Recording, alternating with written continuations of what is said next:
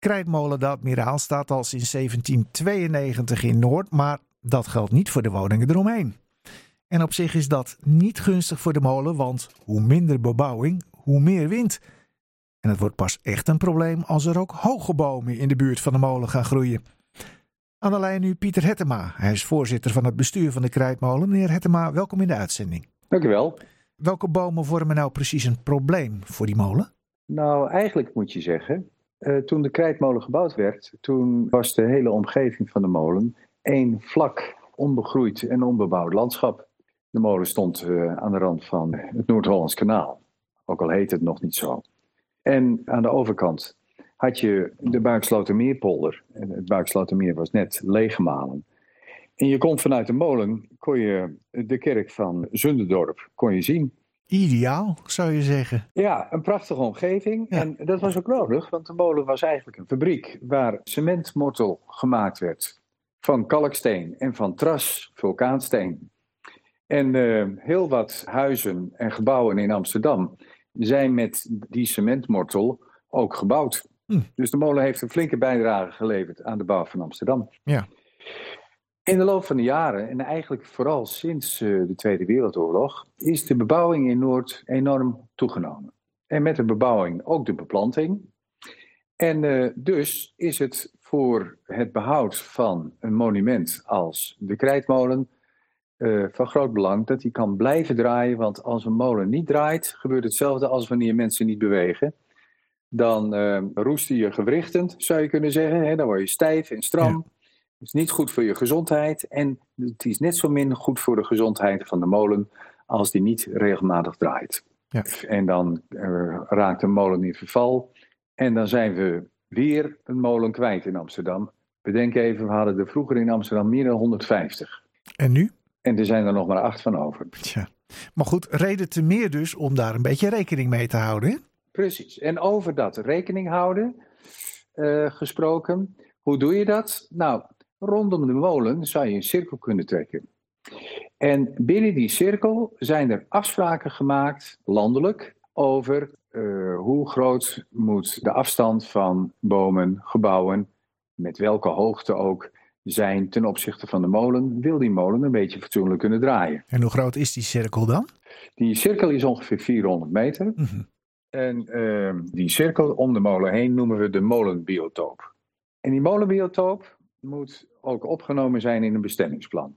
Mm -hmm. En dat betekent dat in het bestemmingsplan voor Elzagen Zuid bijvoorbeeld ook terdege rekening is gehouden met de molenbiotoop. Maar ja, wat niet goed in de gaten gehouden is in de afgelopen twintig jaar, dat is dat er ook veel bomen geplant zijn om zeg maar, de omgeving ook wat leefbaar te maken.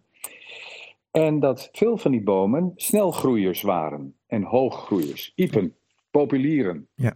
Die kunnen wel 30, 40 meter hoog worden. Daar hebben we behoorlijk hinder van gehad. Ja. Want je kunt natuurlijk ook rondom de molen een prachtig parkachtig landschap inrichten. Met uh, zeg maar dichtbij wat lagere bomen. En wat verderop wat hogere bomen. En dat laatste, daar zijn we nu over in gesprek met het stadsdeel. Omdat het stadsdeel, nou zeg maar in het verleden, het er regelmatig bij heeft laten zitten. Als het gaat om goed beheer van het bomenlandschap om, om ons heen.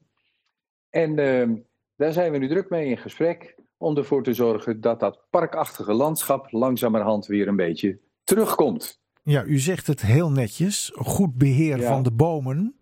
Maar als bomen te hoog worden, dan moeten ze worden gekapt. Ziet u dat ook zo? Ja, als bomen te hoog worden en er zijn afspraken gemaakt over dat die bomen niet hoger dan 10 of 15 meter mogen zijn. En ze planten daar bomen waarvan je op voorhand weet, die worden 30 meter. Dan ben je dom bezig natuurlijk. Moet je ja. niet doen. Ja. Dus wij hebben het stadsdeel, nu die bomen nog klein zijn en dun zijn, hebben het stadsdeel en de gemeente erop aangesproken van... kom op jongens en meisjes. Kappen. Pa, ja, uh, verplant, die, uh, verplant die bomen. Zet die op een andere plek neer. Zeker nu het nog kan. Dan hoef je niet te kappen. Oké. Okay. En zet daar een paar lager blijvende bomen voor in de plaats. En luisteren ze een beetje naar u? Ja, daar luisteren ze wel naar. Want okay. ze hebben er zelf natuurlijk ook belang bij dat ze geen onnodige weerstand bij omwonenden oproepen. Ja, Dus u verwacht niet dat er fietsen aan bomen worden vastgeketend, omdat er nog een hele nette oplossing kan worden verzonnen als de gemeente tenminste een beetje snel handelt. Nou, dat, dat, verwacht ik inderdaad. Ik denk inderdaad dat dat niet nodig is. het zou ook een beetje sneu van die fiets zijn, zou ik ook zeggen. Moet die ketting weer doorgeknipt worden. Niet doen. Ja, maar nou kun je ook zeggen, de tijd schrijdt voort, de woningnood is hoog. Ja. Overal moeten compromissen worden gesloten. De techniek schrijdt ook voor. Dus dat betekent dat molens ook wel eens elektrisch zouden kunnen worden aangedreven. Er zijn al hybride molens die het allebei kunnen, op de wind en op elektriciteit. Is dat dan ook niet een enorme kans voor Krijtmolen de Admiraal om uh, in één keer voorop te gaan lopen in uh, het molenlandschap? Nou, ik uh, geloof niet dat dit een verhaal is wat mij aanspreekt. Nee, dat hoor ik. Laat ik ermee beginnen dat de Krijtmolen een, een rijksmonument is. Mm. en dat dit type rijksmonumenten juist ook bedoeld zijn om aan mensen te laten zien hoe molens van oudsher een belangrijke rol hebben gespeeld in de industriële revolutie van Nederland. Dus het zijn mooie, unieke dingen die ook als UNESCO Werelderfgoed aangewezen zijn. Dus het betekent dat uh, dat type molen de moeite waard is om uh, blijvend behouden te worden en te kunnen laten zien aan mensen hoe in de loop van de jaren we met techniek en met economie omgegaan zijn. Niet doen dus. Nee, dat niet doen en dat raak je kwijt als je gaat elektrificeren. Nou, Succes uh, met het overleg en het in stand houden van de molen in zijn uh, originele vorm. Dank u wel, meneer Hettema. Oké, okay, graag gedaan.